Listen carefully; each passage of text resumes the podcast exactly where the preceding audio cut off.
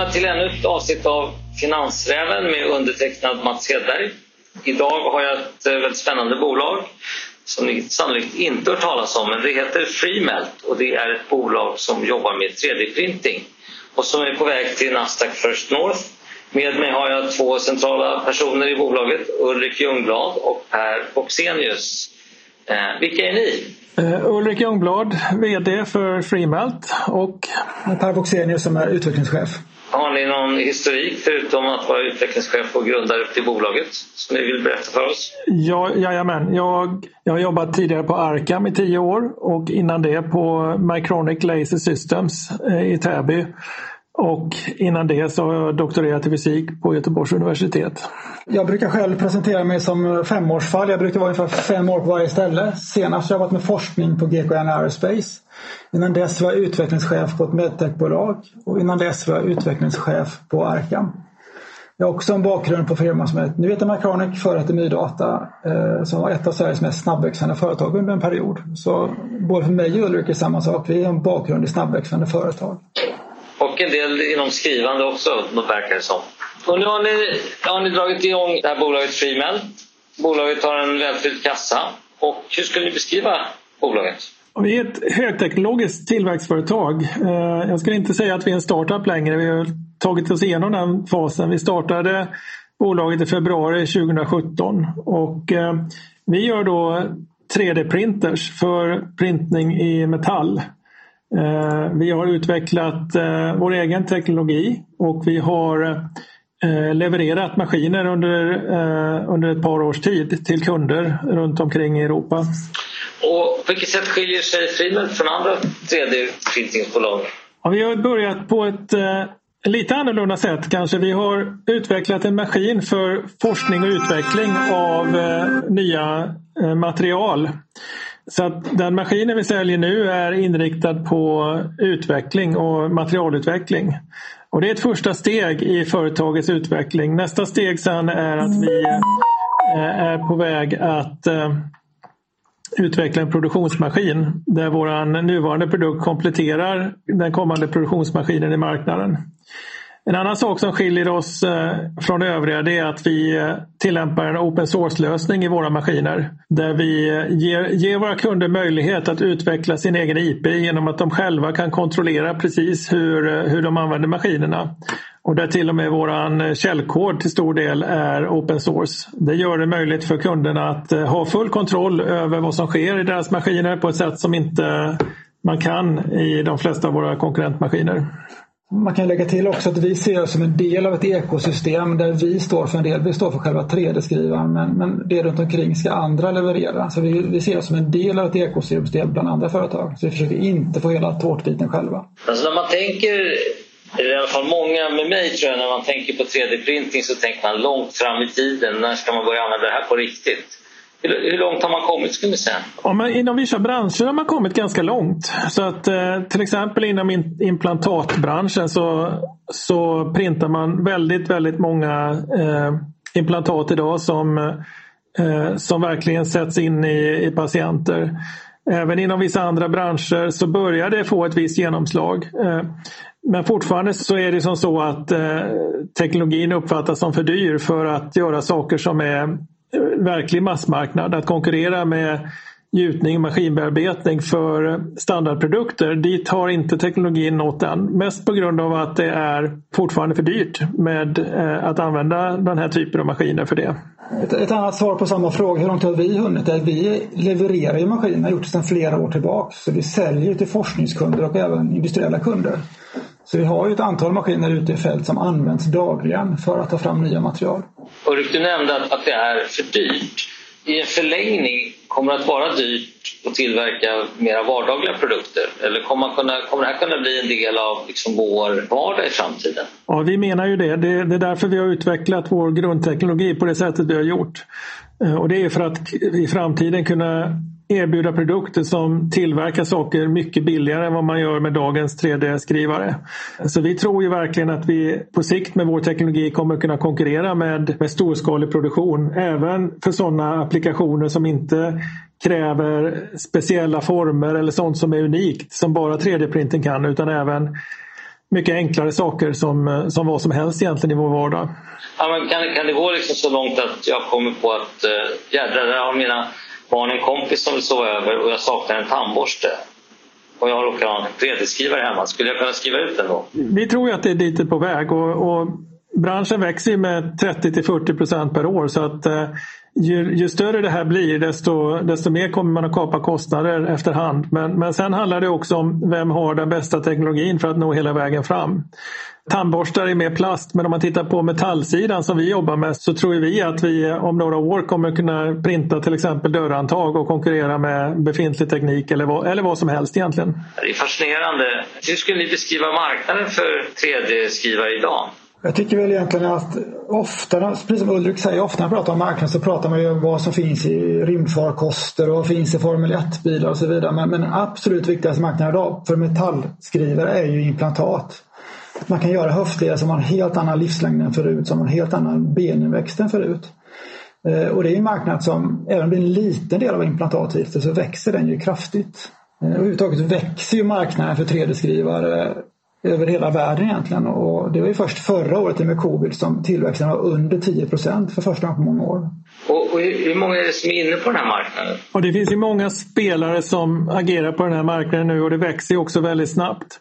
Tittar man på eh, pulverbäddstillverkning som är det vi håller på med så har den dominerats under lång tid utav laserbaserade maskiner. Eh, och där finns det ju väldigt många företag som gör väldigt liknande produkter för, för tillverkning med hjälp av den tekniken. I våra produkter så baseras tekniken på elektronstråleteknik eh, och vakuumteknik och det möjliggör andra saker än man kan göra i lasermaskinerna. Dels så möjliggör det andra material, en större mängd material och med bättre kvalitet. Men det möjliggör också högre produktivitet på sikt eh, därför att man kan ha mycket högre effekt i en elektron elektronstråle än vad man kan med en laserstråle med den eh, strålkvalitet som behövs. Så det gör att marknadspotentialen är stor på det sättet. Ni, ni säger att ni redan har sålt maskiner. Vad är det för typ av kunder som köper de här maskinerna? Ja, hittills så är det ju då eh, huvudsakligen universitet och, och forskningsinstitut som har köpt produkter från oss. Eh, de är intresserade av den öppna strukturen, i mjukvarustrukturen i maskinen. De är intresserade av Eh, Eh, de speciella egenskaperna i elektronkanoner men också att vi har valt att den första maskinen tar fram eh, en produkt som är optimerad för forskning och utveckling. Men vi har också flera kunder som, eh, som, som finns inom företagsvärlden. Så vi har eh, stora företag och då R&D avdelningar på dem som, som har valt att köpa vår maskin för de tycker det är väldigt spännande att kunna ta fram nya material med tanke på deras framtida produkter.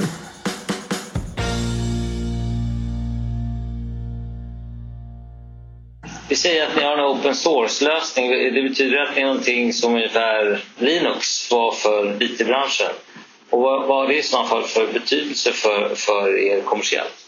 Ja, men det stämmer, det är en ganska bra liknelse egentligen. Och det, eh, kommersiellt för oss så betyder det att kunderna har åtkomst till vår mjukvara och så framförallt åtkomst till hur man, hur man styr tillverkningsprocessen.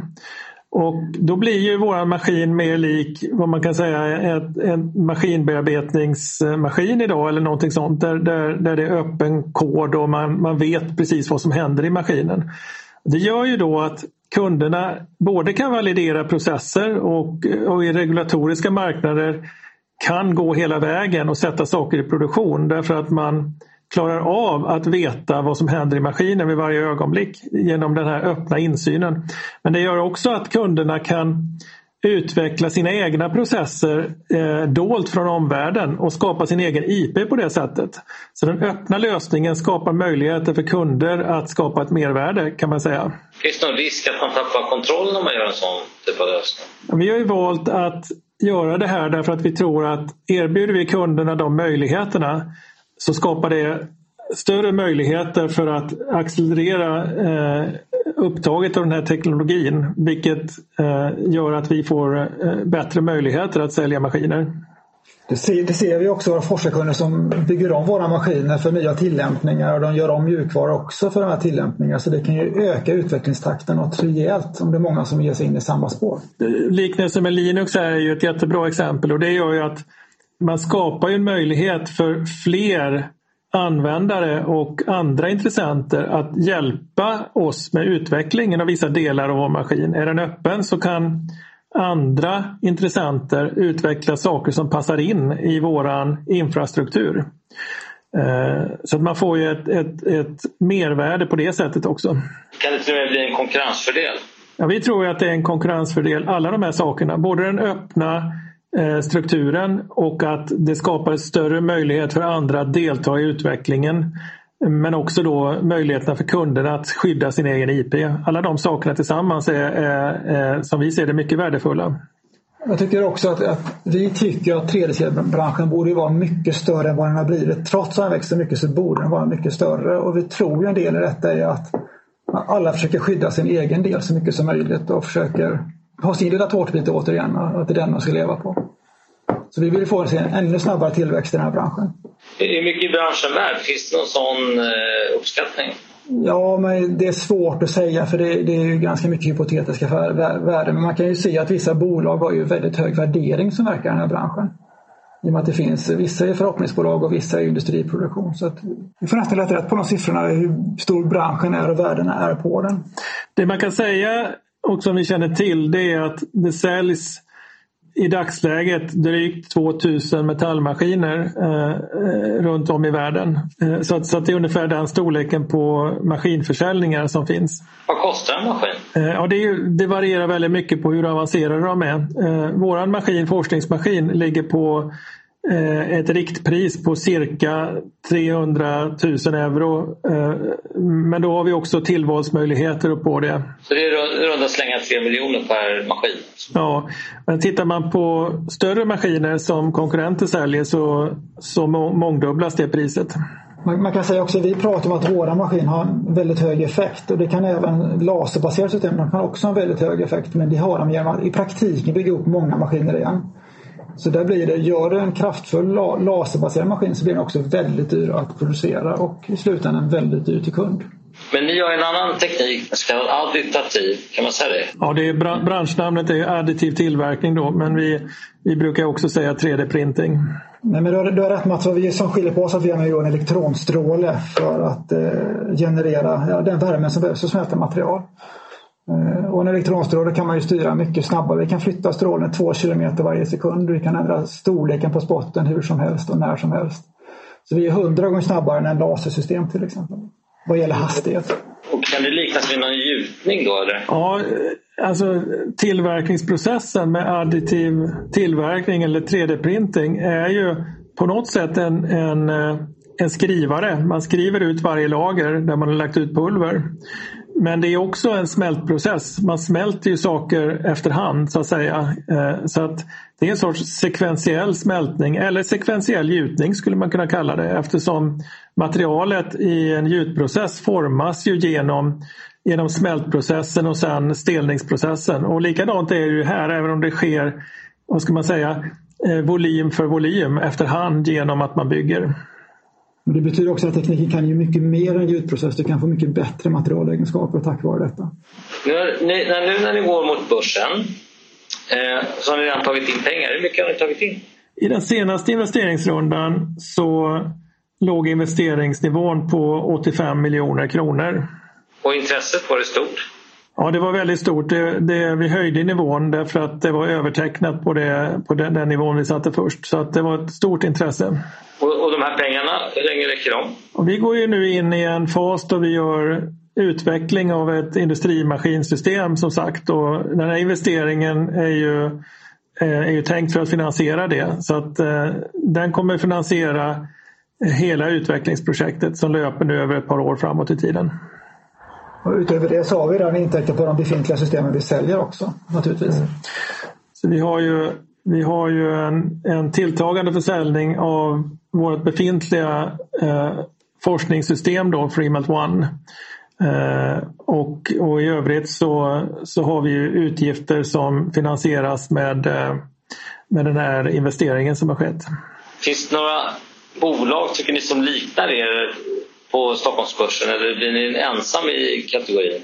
Vi är ett deep tech-bolag och på det sättet så finns det naturligtvis vissa eh, likheter med en del andra bolag. Eh, det finns ju inget annat bolag som håller på med 3D-printing i metall som finns på Stockholmsbörsen. Men internationellt finns det antagligen en del bolag som, håller på, som är ganska lika er. Och, och hur ser värderingarna ut för de bolagen?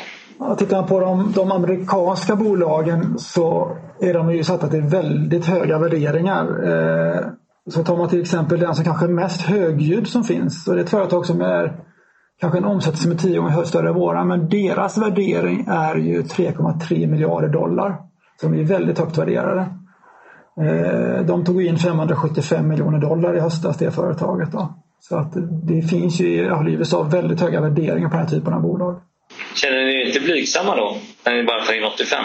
Ja, vi jobbar ju efter våra förutsättningar och vi jobbar med långsiktiga mål och vi växer organiskt. Så att eh, vi, vi är nöjda med att kunna utveckla företaget och växa i den takt som, som, som passar för oss. Och vi ser ju att vi har en fantastisk, fantastiska möjligheter framöver.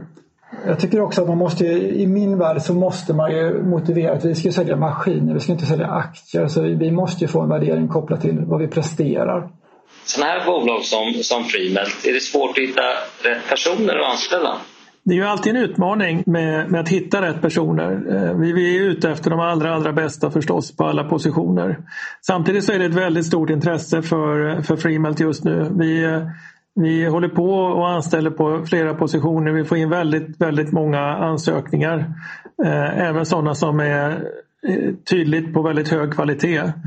Eh, dessutom så befinner vi oss ju i, eh, i en region i Sverige där där det finns mycket verkstadsindustri och högteknologiska bolag. Göteborg är ett, är ett ställe där, som, nu är, som nu har väldigt många både stora och små industriföretag och där, där, det, där det finns hög, eh, högutbildad personal.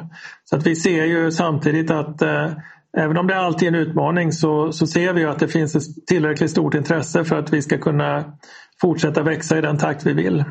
Jag tror ett exempel där. Vi satte in för en dryg vecka sedan en annons som materialutvecklare på vår hemsida och vi fick ju helt sanslöst genomslag på den annonsen. Trots att vi är ett företag med bara 17 anställda idag så fick vi sökande från alla världsdelar faktiskt. Eh, högt kvalificerade personer som alla ville komma in och börja jobba med oss. Eh, och vi ser med intervjuerna vi börjar göra nu att det är så riktigt, riktigt duktiga människor som vill jobba med oss. Är det någon nackdel att ligga i Sverige då tror ni? Jag tror inte att det är någon nackdel. Jag tror att Sverige uppfattas som ett intressant land med eh, mycket högteknologi och, eh, och snabb, snabb utveckling inom många områden. Sverige är ett industriland och förutsättningar för att bedriva företag är ju goda här så att, och, med hög stabilitet. Så jag, jag har alltid uppfattat det som att eh, svenska företag och teknik från Sverige uppfattas väldigt positivt. Bra, vad spännande! Eh, det har varit otroligt spännande att höra er berättelse. Eh, är det någonting ni vill lägga till innan vi rundar av? Nej, är kul att prata med er såklart. Det är givande samtal och kul att försöka få motivera varför man tycker det här är så roligt det vi gör. Och möjligtvis då att vi känner oss naturligtvis väldigt peppade och engagerade för framtiden här. Det, det har framgått och det, och det, är jättekul att höra. Så vi, vi ser fram emot att följa Freemelt framgent. Lycka till nu! Tack så mycket! Tack ska du ha!